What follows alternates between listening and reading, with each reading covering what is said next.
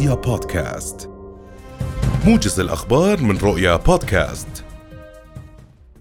يحتفل الأردنيون اليوم بعيد ميلاد جلالة الملك عبد الله الثاني الحادي والستين الابن الأكبر للمغفور له بإذن الله تعالى.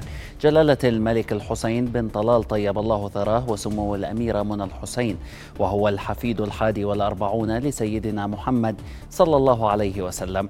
واحد وستون عاما من عمر جلالة الملك ومسيرة زاخرة بالعمل والعطاء والإنجاز والهمة العالية التي قادت الوطن وأبنائه وبناته لنهضة شاملة والمملكة تدخل مئويتها الثانية فكانت التوجيهات الملكية للمضي قدما بمنظومة تحديثية متكاملة سياسيا واقتصاديا وإداريا العنوان الأبرز.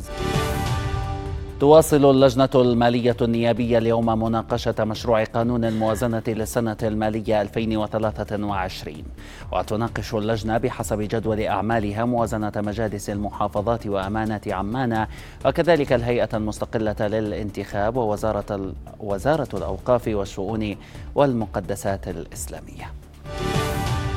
قال رئيس ائتلاف مربي الأبقار ليث الحاج إن مزارع الأبقار تحص أو تحصن الحيوانات من الحمى القلاعية بمعدل جرعتين إلى ثلاث جرعات من اللقاح سنويا.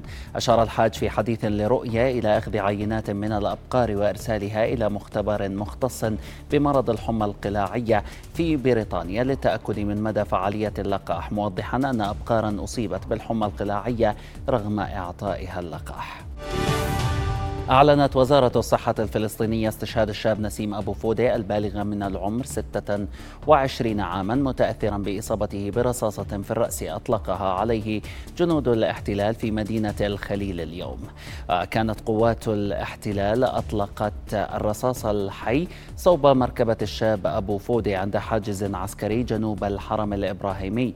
ما أدى إلى إصابته في منطقة الرأس نقل على إثرها إلى أحد المستشفيات ووصفت حالته بالخطر. خطيرة قبل إعلان استشهاده لاحقاً.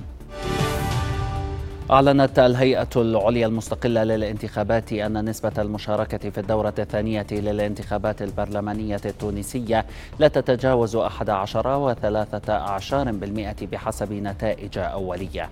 وأدلى نحو 887 ألف شخص بأصواتهم من مجموع 7 ملايين و800 ألف ناخب مسجلين على ما أفاد رئيس الهيئة فاروق بوعسكر في مؤتمر صحفي. قال المركز الصيني لمكافحة الأمراض والوقاية منها في التحديث الأسبوعي للوضع الوبائي أن الموجة الحالية من الإصابات بفيروس كورونا في البلاد تقترب من نهايتها وأن الحالات لن تشهد ارتفاعا كبيرا خلال عطلة رأس السنة القمرية الجديدة. قال المسؤولون في تقرير صدر الأسبوع الماضي أن عدد الحالات بالإصابة الشديدة بكورونا والوفيات الناجمة عنه يتجه نحو الانخفاض.